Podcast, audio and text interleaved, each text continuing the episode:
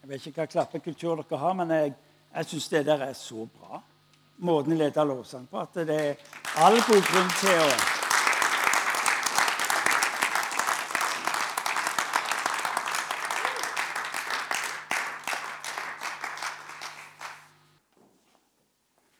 Så slipper du til og med å betale inngangsbilletter for å høre. Det gjør, det gjør du jo vanligvis på konserter. vet du. Det har gått ett døgn siden vi kom. Eh, I går kveld så var fokuset vårt eh, de to byene. Byene i Samaria. Byene som var på de stedene hvor eh, evangeliet ikke skulle nå inn. De stedene hvor menneskene som bodde der, kvalifiserte til avvisning, forkastelse og forakt. Ifølge jødene så var samaritanerne avskummet. Det var, det var de som ikke representerte verdi. Du omgikk ikke samaritanerne. Johannes evangeliet kapittel 4 leser vi om Jesus som møter en kvinne. Hvis livet, Det var ikke bare problematisk at hun var samaritaner, men hun var kvinne, og i tillegg så var hun kvinne av den såkalte problematiske sorten. Og så lærte vi noe om en Gud som har steget ned, som ikke sorterer mennesker, men som møter menneskene der de er. Og med det utgangspunktet sørger for at en hel landsby kommer til å tro på Jesus. Andre byen vi så på, var byen i Samaria. Også det en by full av mennesker som per definisjon var diskvalifisert. Som ikke var det såkalt rette utgangspunktet. Og så forkynner Philip evangeliet. Forkynner Kristus, står der. Og så helbreder han de syke. Og så kom menneskene for å bli en del av det. Og så bryter vekkelsen ut. I byen og i Samaria, med konsekvens for den etiopiske hoffmannen som ble rammet av Philip på veien sørover, og som legger grunnlaget for den koptiske kirke som i dag har mellom 30 og 40 millioner kristne. Men det starter på feil sted, ifølge oss. Gud opererer ikke med feil steder. Gud legger opp menneskene der de er. Han elsker mennesket altfor høyt til at han vil de skal gå glipp av hans nåde. Så i formiddag så, så vi på eh, vårt kall til å bli med på det som han gjør inn i denne verden. Og så så vi på at noe av vår utfordring som kristne er at vi har et mindset, en måte å tenke på, som gjør at vi blokkeres. Vi definerer Gud ut ifra vår virkelighet istedenfor ut fra hvem han vil være.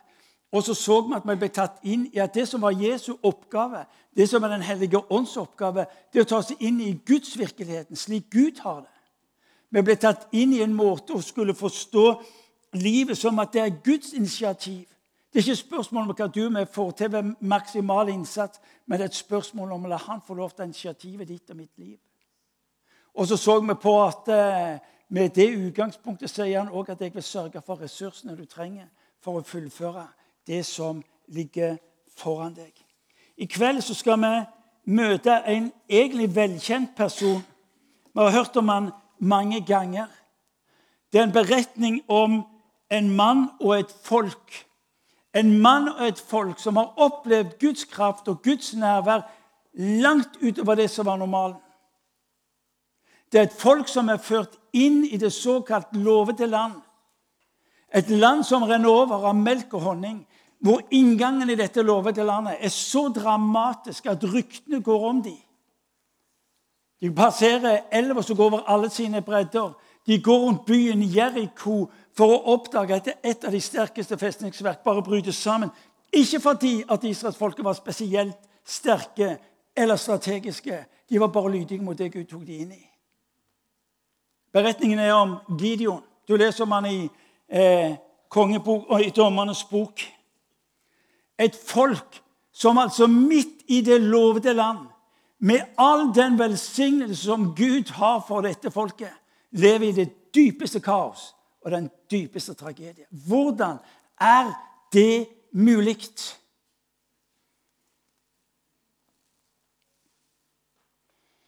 Dommerens bok, kapittel 6. Israel ble rent utarmet pga. midjanittene. Da ropte israelittene til Herren. Da de ropte til Herren fordi midjanittene plaget dem, sendte Herren en profet til dem, og han sa, Så sier Herren Israels Gud, det var jeg som førte dere opp fra Egypt. Jeg hentet dere ut av trellehuset. Jeg fridde dere fra Egypterne og fra alle som undertrykte dere. Jeg drev dem bort fra dere og ga dere landet. Jeg sa til dere, jeg er Herren deres Gud. Frykt ikke de ugudene amorittene dyrker, selv om dere bor i deres land. Men dere ville ikke høre på meg. Da kom Herrens engel og satte seg under eiketreet i Ofra, der Joash av Bieseretten rådde. Gideon, sønn av Joash, holdt på å treske hvete i vinpressen for å berge kornet fra midjanittene. Herrens engel viste seg for ham og sa Herren er med deg, du djerve kriger. Gideon svarte, hør på meg, Herre. Er Herren med oss? Hvorfor har da alt dette her hendt? Hvor skjer det nå slike under som våre fedre har fortalt oss om? De sa det var Herren som førte dem opp fra Egypt, men nå har Herren forkastet oss og gitt oss i hendene på midjanittene. Da vendte Herren seg til ham og sa, gå av sted så sterk som du er, og berg Israel ut av midjanittenes hånd. Er det ikke jeg som sender deg? Gideon svarte, hør nå, hør nå godt etter, Herre. Hvordan kan jeg berge Israel? Min, min ett er den ringeste i Manasseh, og jeg er den yngste i min fars hus. Da sa Herren til ham, jeg vil være med deg, og du skal slå midjanittene til siste mann. Se for deg situasjonen. Israels folk hadde opplevd å være under fangeskap i 400 år i Egypt. De opplever en vandring som på alle måter er problematisk fordi det ble mye lenger enn det Gud hadde tenkt. Men en dag så er de altså inne i det landet som renner over av melk og honning.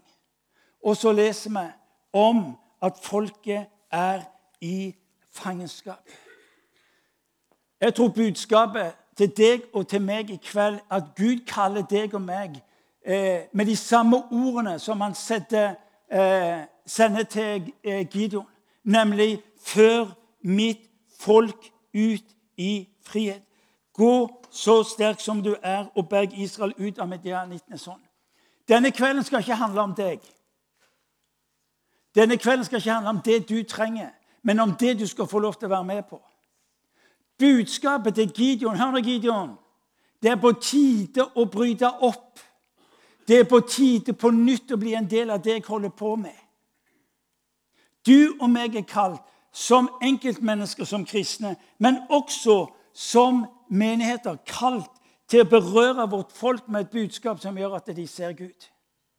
Du og meg er ikke kalt til å sitte og sagt, i vårt hus eh, og stelle og klare oss sjøl.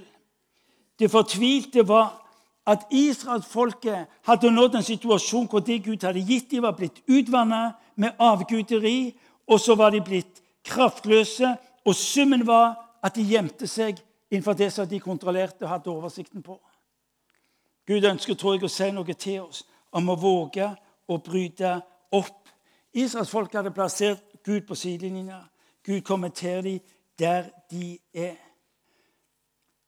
Gud sa til dem, 'Hold dere til mitt ord'.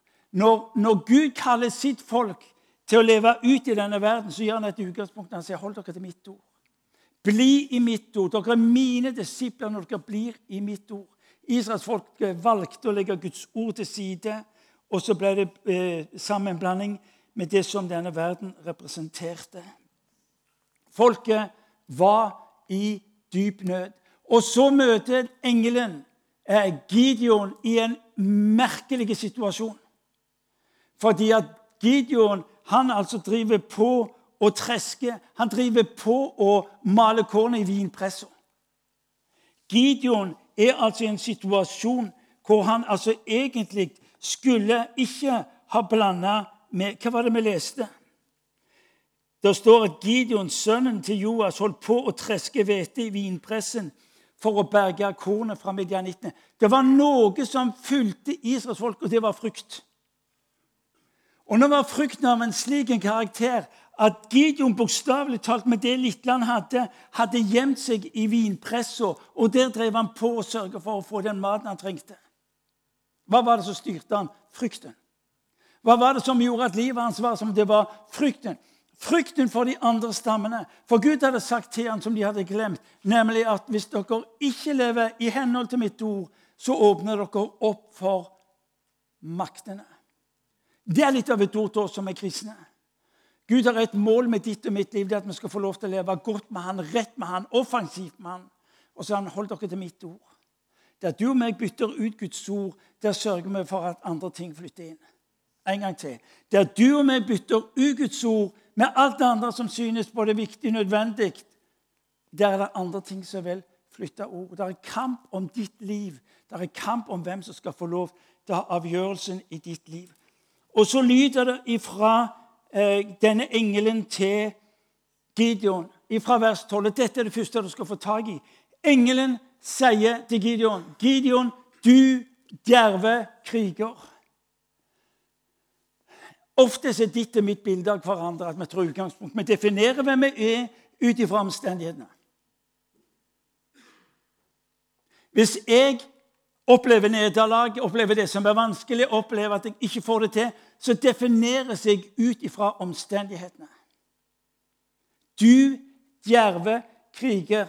Når Gud henvender seg til deg og til meg, definerer han ikke dine muligheter ut ifra omstendighetene, men hvem han er, og hvem han vil være i ditt og mitt liv. Det er to forskjellige ting. En gang til, for du får ikke tak i det. For Hvis du får tak i det, så er du står på stolen og vifter med armene og minst ropt halleluja.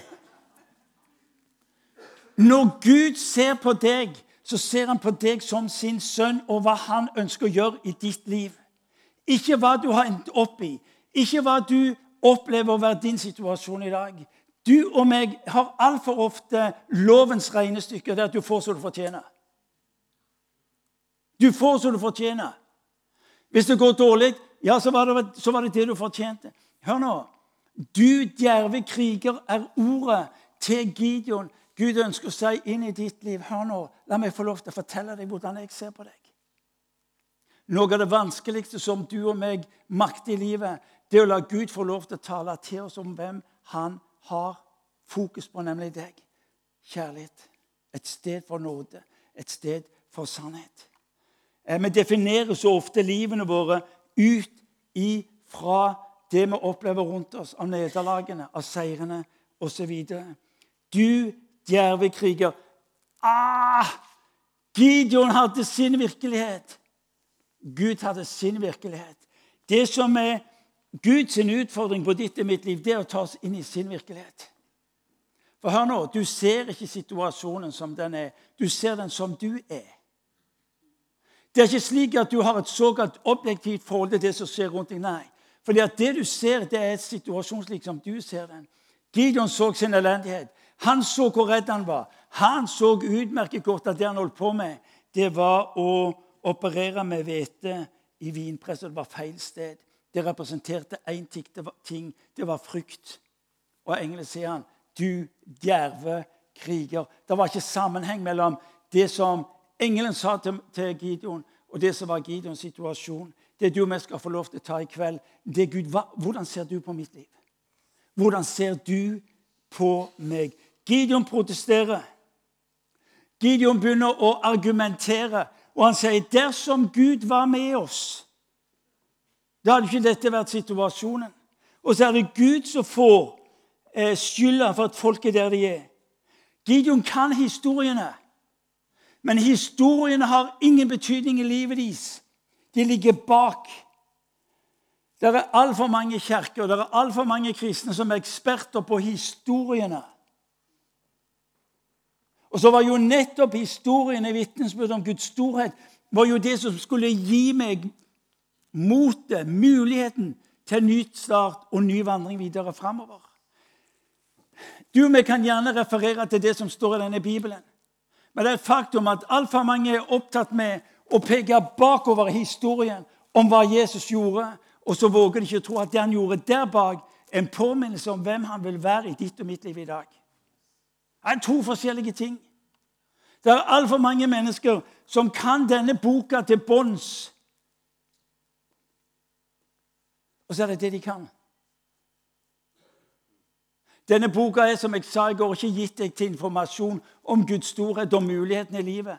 Denne boka har gitt deg til transformasjon, til forvandling av din måte å tenke på, din måte å handle på, slik at denne verden skal tro at Gud er god. Det er tide for oss til også å bryte opp.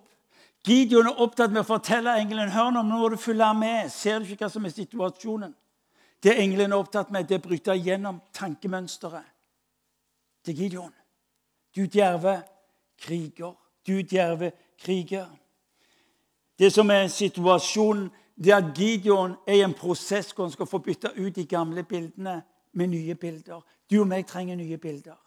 Jeg trenger de sjøl kontinuerlig, disse nye bildene som forteller meg hvem Jesus er, hvem Gud Fader er, hvem Den hellige ånd er.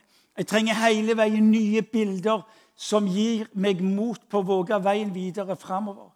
Det er et faktum at mannene som Israelfolket fikk i ørkenen, de måtte ha fersk mat hver dag.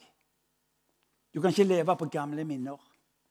Du kan ikke leve på gamle erfaringer. Det er et faktum at israelsfolket hadde de sterkeste eh, eh, innslag av Guds rike i sin historie.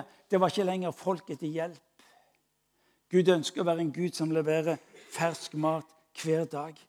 Og så avviser han, fordi han er redd, så avviser han Guds tanker og synspunkter på han. Hvem, hva Guds bilde og tanker er for han. Problemet for deg og meg er hva du tenker i ditt hjerte. Det er vi. Vet du hva den sterkeste stemmen er? Ja, Du vil si Gud. Nei, det er det ikke. Den sterkeste stemmen i ditt liv er din stemme.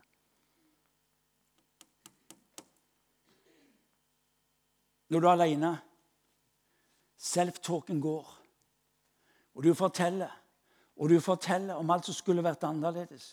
Du forteller og minner deg sjøl på nederlagene. Og så begynner du også Og så blir du aldri ferdig. Jo, Guds tale er sterk. Men det er faktisk en tale som er sterkere hvis du ikke lar ham få lov til å tale inn i ditt liv om hvem han vil være i ditt liv. Gud vil alltid utfordre måten du tenker på når han handler med oss. Gud er ikke primært opptatt av at du skal gjøre en hel masse ting. Han skal bli en del av måten han handler på inn i denne verden. Og da fokuserer han på din måte å handle på. Når Peter eh, har levd sammen med Jesus og er opptatt med å berge Jesus fra korsdød, så sier Jesus hør Peter, du, du, har ikke forstand på det som hører himmelen til. Du, du handler jo som denne verden. Det Jesus er opptatt med, som han gjør i tre med sine disipler, det er å hjelpe dem til å tenke en annen måte. Det som er fascinerende med, med Gideon, det er jo at han, han argumenterer. Han Han er drapelig frimodig. Og det er godt mulig du tenker han er i overkant frimodig. Han og Gud, Gud er med på om du syns at det han holder på med, er litt rart. Det han sier, kan synes å være feil. Gud tåler din kritikk og din måte å argumentere på. Det er helt i orden. Han tåler det. Gud er ingen skjør utgave som ikke tåler argumenter. Men når, når, eh, når Gideon er opptatt med å si 'dette går ikke' Jeg syns han er festlig når engelen sier til ham 'Herren er med deg, du djerve kriger'. Så sier Gideon ham 'Hør på meg, Herre'. Og så er det litt lenger nede, så gjentar han det. 'Hør nå, Herre'. Det er som han har lyst til å sånn Følger du ikke med? Vet du ikke hva som er vår tilstand? Vet du ikke hva som er vår situasjon? Følger du ikke med i timen? Budskapet er 'Jeg sender deg'. Du djerve kriger. Og så står det eh, 'Jeg sender deg'. Det står i, eh, i eh, Skal vi se Hør nå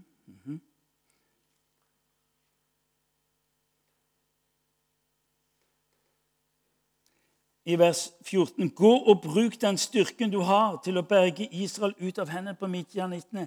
Det er jeg som sender meg. Og så ser han, hør nå, Herre, igjen. Når Gud forteller hva Gideon skal gjøre, så er det samtidig et løfte om hva Gud skal gjøre. Inn i ditt liv, det som er din situasjon. Det skal få lov til å være din frimodighet. Bryt opp, du djerve kriger. Bryt opp fra deg sjøl det selvbildet du har, og la han få lov til å gi deg sine tanker om hvem du er. Bill Johnson sier det slik Jeg har ikke råd til å tenke andre tanker om et liv enn de Jesus har om meg. Jeg har ikke råd til å tenke andre tanker om mitt liv enn de Jesus har om meg. Og hvor får jeg de? Jo, får i de ut ifra Guds ord. Løftesordene på ditt og mitt liv, som blir utgangspunktet for hvem han eh, vil være i ditt og i mitt liv. Herren er med deg, du djerve kriger. Det er det første jeg vil du skal få tak i. Det er at Gud ser på deg ikke som den du tror du er, men som den han har skapt deg til å være. Og i hans øyne er det en som skal ha betydning, og som skal bety en forskjell i mennesker sitt liv. Det kalles for nåde. I ordspråkene kapittel 23 vers 7 så leser vi om at som et menneske tenker i sitt hjerte, slik er det. Derfor er det så avgjørende viktig at du og meg får lov til å tenke de rette tanker om oss sjøl. De rette tankene om hvem Gud er, og hvem han vil være i ditt og i mitt liv. Og så er det jo fascinerende, fordi at det, eh, han, han, har jo en hel masse unnskyldninger. Vi skal ikke gå inn på de. Men det går alt ifra at han har et oppgjør med at Gud har svikta. For det er jo det han sier. 'Hvor var du henne?' Jeg har hørt, men hvor var du henne nå? Rimelig freidig. Og når det ikke funker, så begynner han å fortelle om hvor svak han er. Jeg, den yngste fra Manasseh-stemmen, den ringeste av stammen. Og så begynner han å fortelle noe om slekta si og historien og, og alt som taler imot det den engelen nå holder på å snakke om. Han er rimelig frimodig, vil du og meg si. Men så skjer det noe. Han lar seg overbevise. Han har ikke fått noen konkrete på at dette går veien. Men ordet har fått lov til å overbevise han. Gud taler gjennom sitt ord for å overbevise deg og meg. Er du i en livssituasjon hvor du tenker dette skjærer seg, eller jeg får det ikke til, ja, så la han få lov til å tale til deg. Og du tenker ja, ja, ja, men jeg har bedt han om å tale. Ja, jeg sier til folk ja, når du har bedt Gud om å tale, hvor lenge var du stille? Hvor lenge fikk han lov til å bruke tid på å tale inn i livet ditt? Ikke fordi at han trenger så lang tid, men fordi at du trenger tid til å få tak i hva som blir sagt. Og så står det nydelig i vers 34 i eh, kapittel eh, 6 34 i kapittel 6. Da kom Herrens ånd over Gideon. Gideon har ikke gjort noen ting han, for å fortjene at Gud skulle se til ham. Men Guds løfte på ham, det var at Guds ånd skulle komme over ham. Bryt opp, bryt opp, Gideon, fordi at jeg vil ta deg inn i det som er av meg. Og i denne settingen er det vi leser om at Gud også ber han om å være ærlige. Bryt opp. Bryt opp, Gideon. Men ikke bare bryt opp. Bryt ut av det som binder deg. Bryt ut av det som holder deg nede. Eh, gå av sted, leser vi i vers 14 i kapittel 6. Gå av sted. Hør, Gideon. Gideon, du må gjøre et valg. Gideon velger å handle på det Gud minner han om. Men det bunner seg i at Gideon gjør et valg. Altfor mange av oss ber Gud om å gjøre våre valg. Men så ber du om å gjøre valg. Bryt opp, Gideon. Fordi det er noe jeg skal ta deg inn i. Det var ingen ytre bekreftelse i den første fasen. Men han ber han om å bryte opp, bryte ut av det som var den såkalte trygghetssonen. Men det er jo akkurat det du og meg inviteres til når vi skal be for de som er syke eller i vanskelige situasjoner. Tror jeg virkelig at jeg, når jeg legger hånden på en som er syk, at det mennesket kan bli, kan bli helbredet?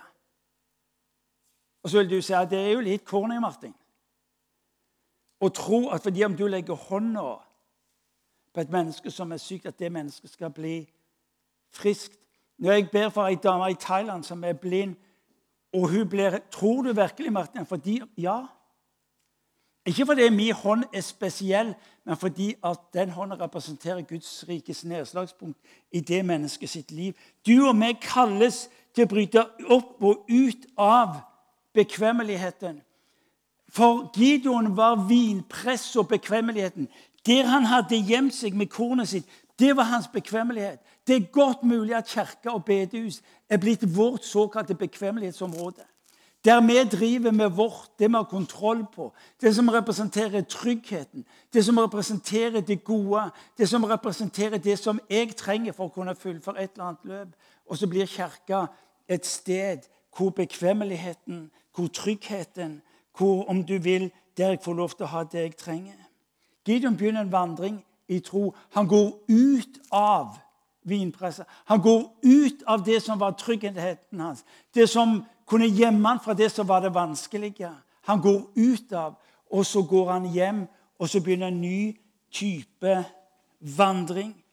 Det er fascinerende å se eh, hvordan han får lov til å bryte ut av. Jeg går nesten på å si det er enkelte ganger det ikke hjelper med forbønn. Det er når Gud har bedt deg om å bryte opp. Det står I eh, slutten av kapittel 6 så står det at eh, han skulle bryte ut av avgudsdyrkelsen. Det er interessant. Eh, faren for Guds folk ikke primært fornektelsen av Guds ord, men det er det de supplerer med Guds ord. Gideon fikk beskjed om å gå hjem. og Så fikk han beskjed om å brenne og rive ned Balalteret og starte eh, tem, eh, pålen. Det representerte fremgang. Det representerte fruktbarhet. Så det israelsfolket gjorde, de sa ikke nei til Guds ord det han representerte. De bare supplerte. De supplerte med det som ble trygghet. De supplerte med det som ga velstand. De ga, eh, supplerte med det som ga Eh, en trygghet på, på fremtida. Kristenfolkets utfordring i dette landet er ikke primært er ikke primært å skulle se nei til Guds ord. Det er bare måten vi supplerer og får tingene i balanse på. Det er interessant. Det er interessant. Et av hovedargumentene for å sørge for å stenge grensene for innvandrerne det går jo på at vår velferdsordning blir redusert. Noe av det som kjennetegner materialismen, det er frykta for å miste det vi har. Hva er det for noe? Det er bal. Det er bal som representerer tryggheten og fremtida. Ja, betyr det at vi ikke skal ha trygge samfunn? Det er ikke det jeg sier. Men jeg sier at det har for oss blitt det som vi ligner ut med. Og når andre trenger å få del i det samme, så avviser vi dem fordi vi er redd for å miste er, vår største utfordring i materialistisk kultur det er at vi mister kontrollen på det vi opplever vi må ha for å ha en sikker fremtid. Det kan godt være det minner litt om ball. Kan være det.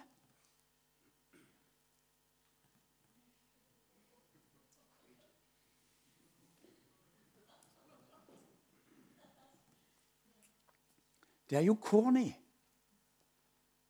at vi går rundt og er redd for at Tita, som har bodd i Norge i 18 år At vi er redd at den damen skal ta det som er vårt. Bare tenk på det.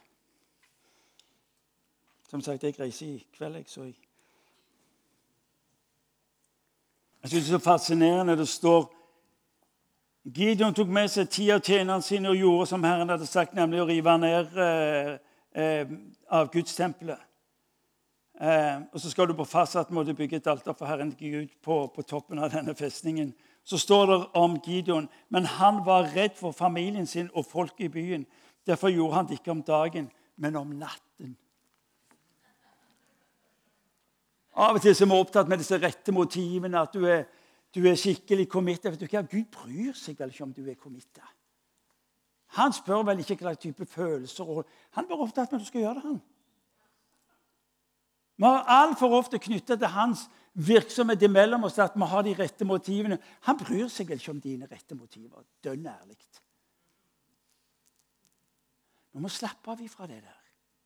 Vi har gitt et fokus på at når du, når du har det rette motivet, når du er ren nok, og når du har tingene på plass i livet ditt, da Ja, Men jeg er jo aldri der, jeg.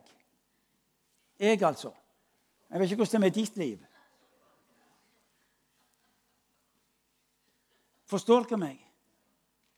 Når Gud bruker mennesker, så er det mennesker han bruker. Når Gud bruker mennesker, så er det mennesker han bruker. Hvem er det? Det er mennesker som strever med livet sitt, det er mennesker som får, prøver å få livet til å gå i hop, det er mennesker som opplever seier og nederlag, og hele smelta. Gideon var redd. Pingla! Kylling, ville vi ha sagt på hjemme i gata hos oss.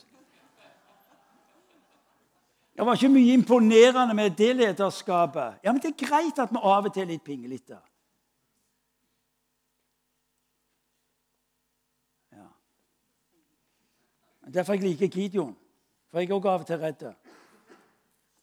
Tenk om de ser meg. Hva tenker de ikke om meg? Hvis jeg gjør det, hva, hva kan de komme på å si om meg?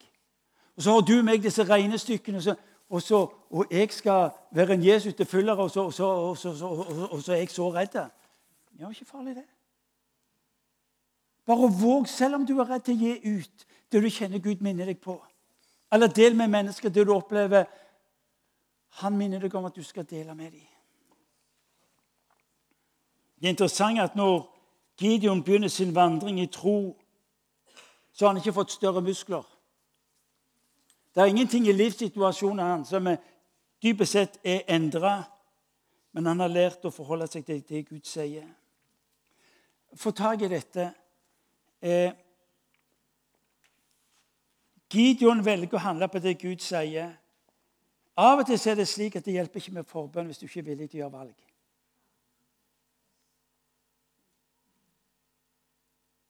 Av og til hjelper det ikke med forbønn hvis du ikke er villig til å gjøre valget. Teksten om Gideon er en tekst om å gjøre valg. Fordi Gud taler inn i ditt liv om hvem han vil være.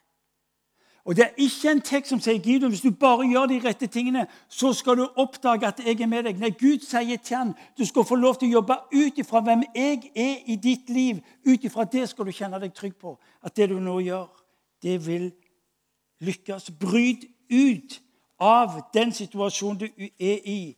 Og så lyder det i vers 15 Bryt inn, Gideon. Bryt inn i denne verden. Gud, Gideon sa til ham, 'Herre, eh, hvordan kan jeg berge Israel? Min slekt er den svakeste.' Og så, videre. og så sa han, da sa Herren til ham, 'Jeg vil være med deg, og du skal slå medianittene, alle som en.' Gud ber, ber deg om å bryte ut av, ut av treskeplassen, ut av kirka, ut av bedehuset, for å bryte inn i denne verden. Vi snakker om å gå ut i denne verden. Det er feil, folkens. Jesus kom inn i denne verden. Bare tenk der hvordan ordene våre fanger oss. Ja, vi må gå ut, og så må vi bety en forskjell. Nei, det er ikke det. Det går inn i. Han kom inn i vår verden. Fordi at det var her han fant menneskene. Så når du og meg kalles til å bety en forskjell, så betyr det ikke å bryte ut, men å bryte inn i denne verden. Bryt inn i denne verden. Er det ikke jeg som sender deg? Nå skal jeg begynne å slutte, som de sier borte hos oss. Gideon har fått beskjed om å berge sitt folk. Få tak i det jeg nå sier til deg. Kirka er kalt til å berge folket vårt. Du har fått mer enn nok av det du trenger for ditt liv. Du trenger ikke mer. Du er kalt nå med basis i det du har hørt disse dagene, og de årene som ligger bak dere ved å ha hørt Guds ord, så har du fått mer enn nok av det du trenger. For å leve i denne verden, fullføre vandringen i denne verden, for en dag å ende opp i himmelen. Nå lyder ordene til deg og til meg. Gå inn i denne verden og berg mitt folk. For dette folket har ikke sagt nei til meg. De vet bare ikke hvordan jeg ser ut. Så det du nå skal høre, skal få lov til å være nettopp det som du og meg er i denne verden for, nemlig å se denne verden berørt av Guds nåde på en slik en måte at de våger å tro at han er Gud. Gud sier til ham at uh, du må uh, eh, gå inn i denne verden. Og så leser vi i kapittel 7, eh, vers 13. Gideon er redd. Gideon tenker OK, Og så definerer han mulighetene sine ut ifra hvor mange soldater han har. Så sier Gud at du har altfor mange. Det er uhyre interessant at der du og meg er opptatt med å definere har vi mange nok, så er Gud opptatt med å definere har du få nok. Der du og meg er opptatt med å telle penger og budsjetter og alt det der, så sier han det er ikke spørsmålet du Jeg spør ikke hva du har. Jeg spør hva du vil våge å gå ut med av det lille du tror du ikke har. Du og meg er eksperter på det vi tror vi ikke har. Han er ekspert på å møte oss med det vi eh, mottar fra han.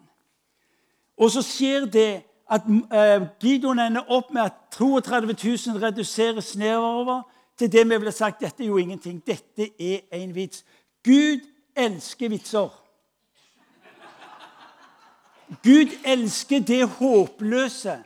Fordi, som han sier til Gideon, hvis du nå skal gå i krig med 32 000 mann og dere vinner, så vil dere tro at det var dere som var årsaken.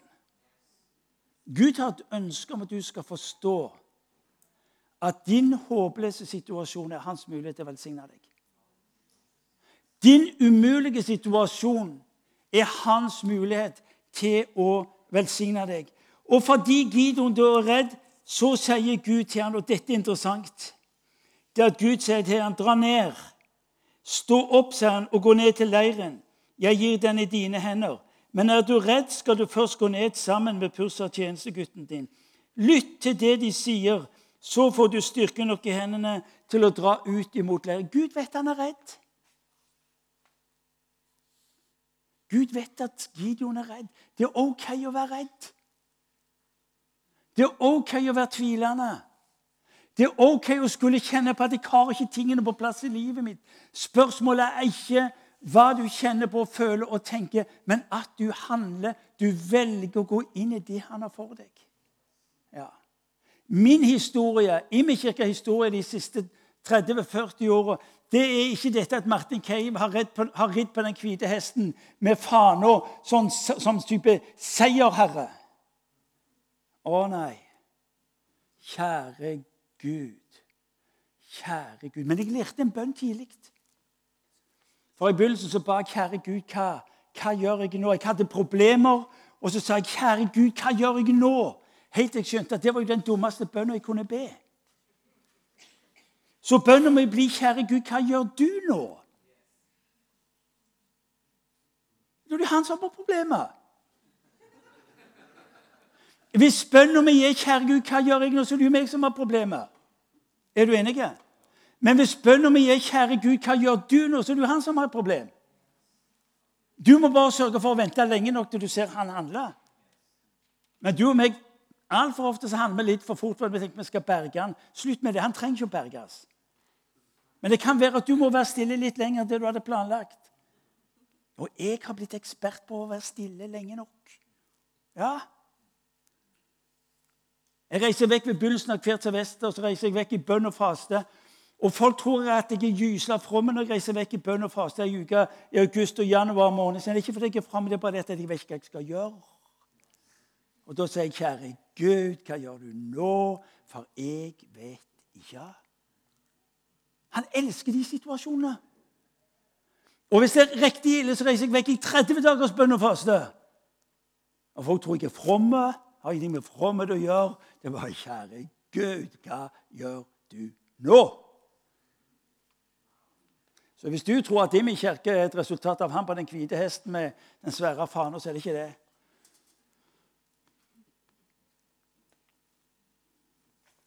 Og så sier Gud til ham, 'Du, Gideon, dra ned til, dra ned til fiendens leir og hør hva de sier.'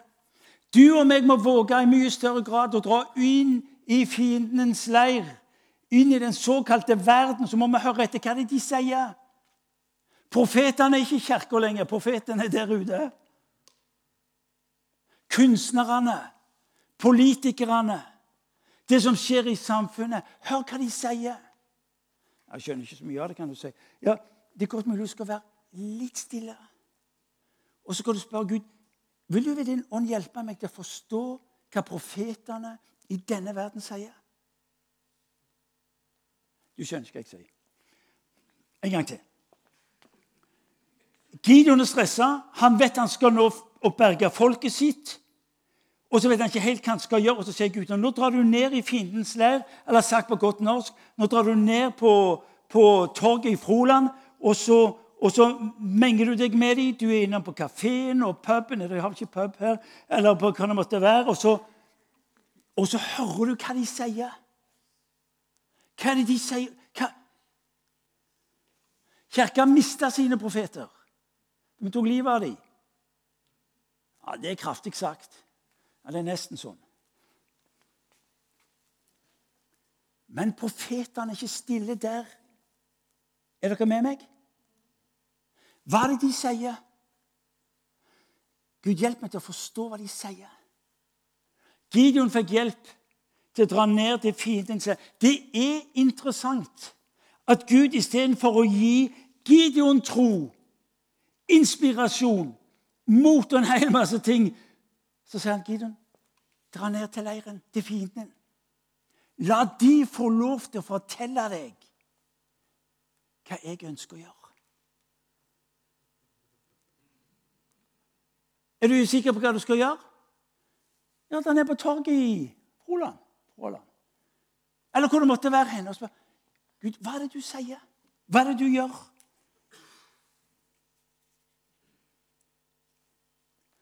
Med bakgrunn i profetien ifra fienden såkalt får Gideon nytt mot, en ny forståelse hva han er med på, og så handler han i henhold til dette. Og så hadde det betydning for et helt folk. Guds rike har brutt inn i denne verden ved Jesus Kristus over kirka. Vår kalde oppgave er å se dette riket bryte enda lenger inn i vår nasjon og videre utover. Jeg syns det er fascinerende at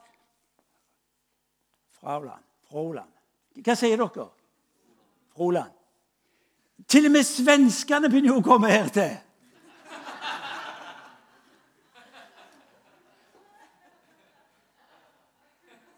Det er nesten som om Gud holder på å samle stammene. Er du med? Når til og med svenskene kommer, da er det ting på gang. Jeg hilste på Jeg er helt sjokka.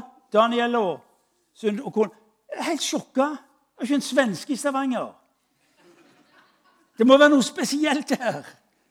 I tillegg så er jo fjernsynsstasjonene og de store Crusade-lederne Ja, men hva betyr det for dere?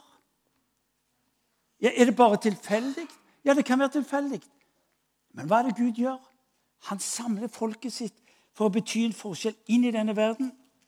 Vårt kall er ikke å bryte ut av denne verden i isolerte religiøse klubber. Skal vi bety noe, så skal vi bryte inn i miljøene, i familiene, arbeidsplassene. Berg mitt folk. Vi går inn i Guds plan med å vite at Gud går foran oss. Moses sa jeg går ikke en meter om ikke du går foran deg. Så lyder det andre Mosebok kapittel 33. Jeg vil la mitt nærvær gå foran deg.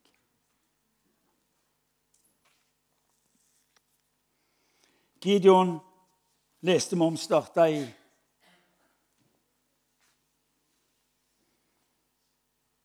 vinpressa. Han var redd. Det er interessant. Da står det Da står det at han bygde et alter eh, etter han hadde slått eh, hedningene. Og så står det at eh, Gideon bygde Skal vi se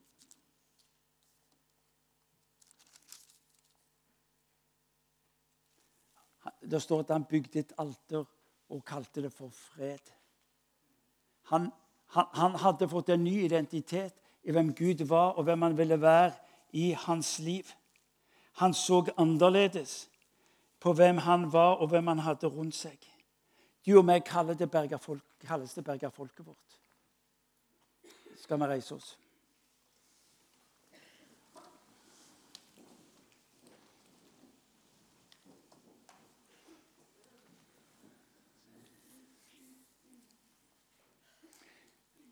Vår kirkes vekkelseshistorie nå snakker jeg om generelt, vår kirkes vekkelseshistorie var ikke primært et resultat av samfunnsmessige forhold. Men det var der hvor Guds folk valgte å stå opp og bryte inn i denne verden. Eh, vekkelseshistorien vår er om mennesker som vågte, og som valgte å bryte opp. Hans Nilsen Hauge hadde ingen intensjon om å bety en forskjell i dette landet. Denne enkle bondesønnen fra Tune i Østfold. Men en dag slår Gud ned i ham, og så våger han å bryte opp og velge en ny retning for livet inn i denne verden. Du ser på den såkalte østafrikanske vekkelsen, som eh, ikke minst eh, eh Mekane Jesuskirke, verdens største lutherske menighet, eh, med mer enn syv millioner mennesker. Det starter med at Guds rike slår ned imellom dem. Gideon opplever at Guds rike slår ned i hans liv og gjennom hans liv til å berøre menneskene og denne verden som er rundt ham. Du og meg kalles til å være en del av det som Gud holder på med. Altfor ofte så ble vår unnskyldning hvor vi sier men materialismen er så sterk, folk vil ikke ha noe med Gud å gjøre. Ja, det er din påstand. Min påstand er, som du har hørt meg si noen ganger denne helga, det, det, er umulig for mennesket å la være langt der inne skulle han søke tilbake til Gud. Mennesket er skapt i Guds bilde, leser vi. Jeg mener at mer enn 99,9,9,9% av mennesker egentlig lengter etter å finne veien tilbake til Gud, men de vet det bare ikke. Og hvis du og meg vet at de egentlig lengter etter å komme tilbake til Gud, så skal du slippe å se på dem som fiender. Du skal slippe å se på dem som motstandere. Du skal få lov til å se på det at egentlig så ønsker disse menneskene å finne veien tilbake til Gud. Men de vet bare ikke veien. Derfor, derfor du og jeg. Du er kalt til å berge vårt folk. Som menighet er denne menigheten kalt til å bety denne forskjellen. Så det jeg vil at du skal gjøre, det er at du skal få lov til å våge mens harpespilleren vår spiller.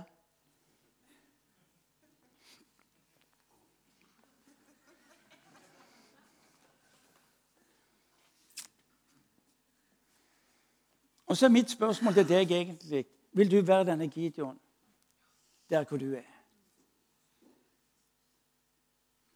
Du må gjerne fortelle hvem du sjøl er, til vår Herre. Du må gjerne fortelle ham om hvor feil han tar av hvem du er. Om alt som burde vært annerledes i ditt liv. Men egentlig er det unødvendig, for han vet hvem du er.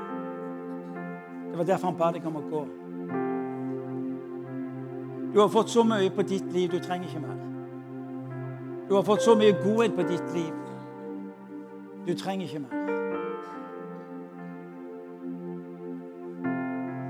Men den verden som du og vi skal få lov til å bryte inn i, de, de lengter etter å erfare at Gud er ikke mot dem, men for dem. Denne verden tror at Gud er etter å ta dem. Med ditt og mitt liv vil denne verden tro at Gud elsker dem. Du må gjerne be om at Gud skal demonstrere sin kjærlighet ved å få mennesker som ikke kjenner ham. Men bønnen er egentlig litt meningsløs. For hvis ikke du vil være svar på den bønnen, så vil de heller ikke tro det.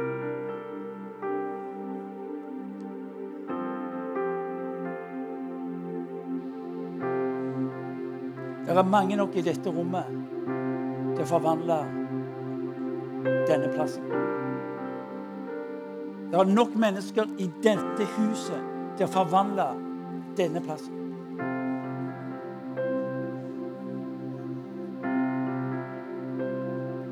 Det er mulig det er på tide for noen av oss å bryte ut av denne her beskyttelsen som vinpresser representerte, og våge å tro ordene fra Gud på ditt og mitt liv at du, djerve kriger, du, djerve kjempe, stå opp, bryt ut av og inn i det denne verden, med det denne verden trenger. Og det er godt mulig du tenker at du er både spenstige og veldig utfordrende i kveld. Har ingenting med det å gjøre.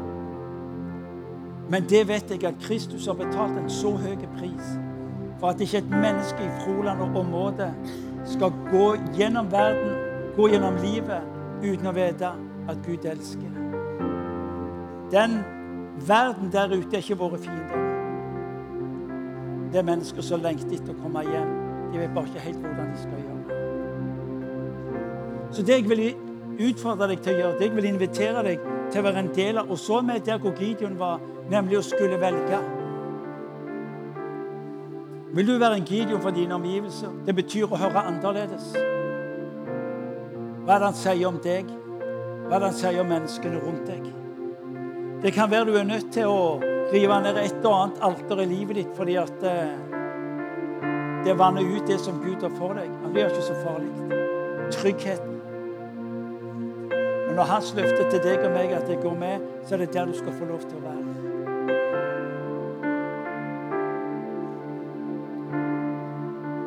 Mulig du gjør som Gideon og tenker at uh, hadde vi bare vært flere Gud tar aldri utgangspunkt i de mange som er der eller skulle ha vært der. Hør når folket setter utgangspunkt at han sjøl er der. Takke meg til å ha han her, og ikke 100 000 mann.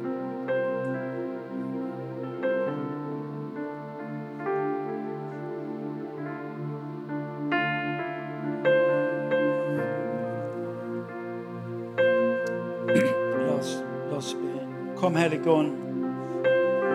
Kom, Hellige Ånd, til den enkelte her vi står.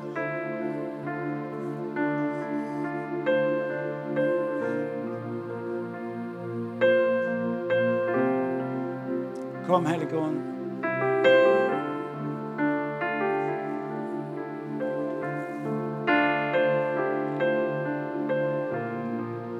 Mens du står her, så bare la Guds ånd få lov til å tale til deg. La Guds ånd få lov til å berøre deg.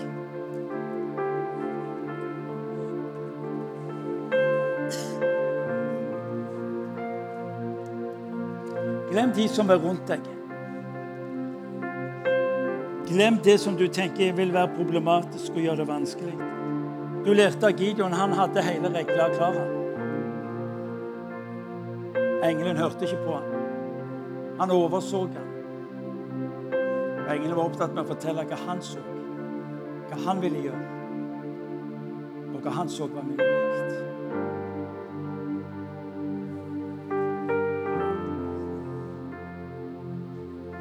Kom, Hellige Ånd. Hva du skal fylle opp, hva du skal berøre, hva du skal tale.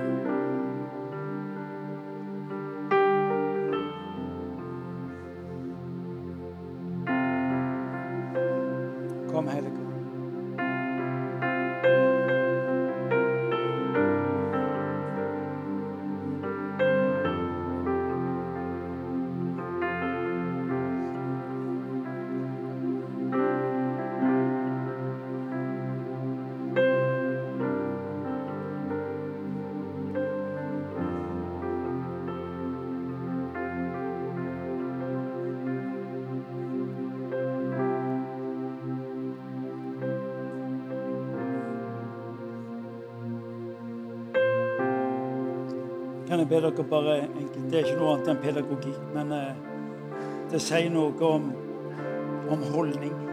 Rekke fram hendene og Og så skal din bønn få lov til å være Herre, vil du ta meg inn i denne verden? Vil du hjelpe meg å se og handle, gi meg mot når jeg kjenner jeg er redd, når jeg oppdager svakheten og feilen mitt? Så ber jeg for at du skal hjelpe oss til å holde oss nær til deg med en slik måte at vi våger å gå.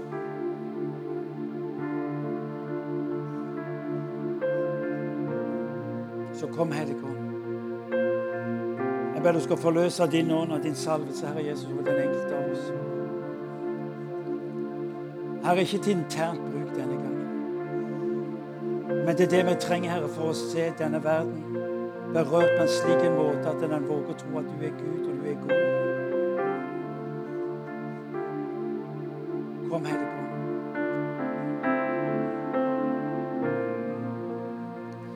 Far, jeg ber du skal komme til den enkelte som kjenner på frykten for å gå inn i dette. Jeg ber om at du skal komme til den enkelte med din fred på en slik en måte at vi midt i det vanskelige, midt i utfordringen, midt i det som skulle vært annerledes, så minner du oss, Gud, som er Gideon, at du har latt din ånd til oss og være vår styrke i denne tida. Så kom, Hellige.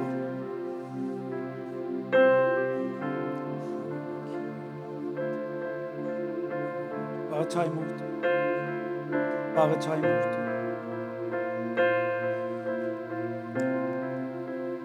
Kanskje står du her og vil føle et eller annet. Ikke bry deg om å skulle føle.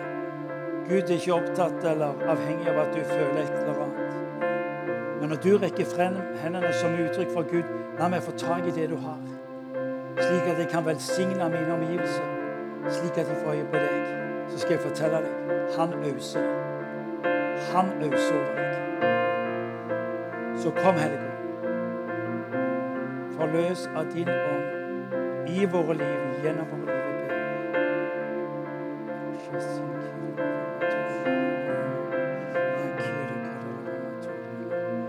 Ta imot Guds ånd. Bare ta imot Guds ånd der du står.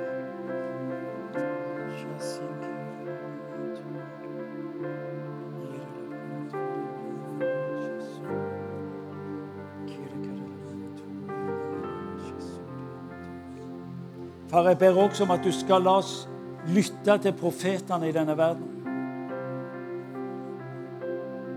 Mennesker som gir ord til kirka. Mennesker som hjelper oss til å forstå hva denne verden trenger til, og hvordan vi skal få lov til å være en del av det. Kom, Hellige Ånd. La oss, få være et folk som forstår tida. Som Isakars barn som forsto tiden og fortalte Israels folk hva de skulle gjøre. Her, La oss få lov til å være et folk som forstår tida. Så vi gjør de rette tingene. Herre. Kom, Herre.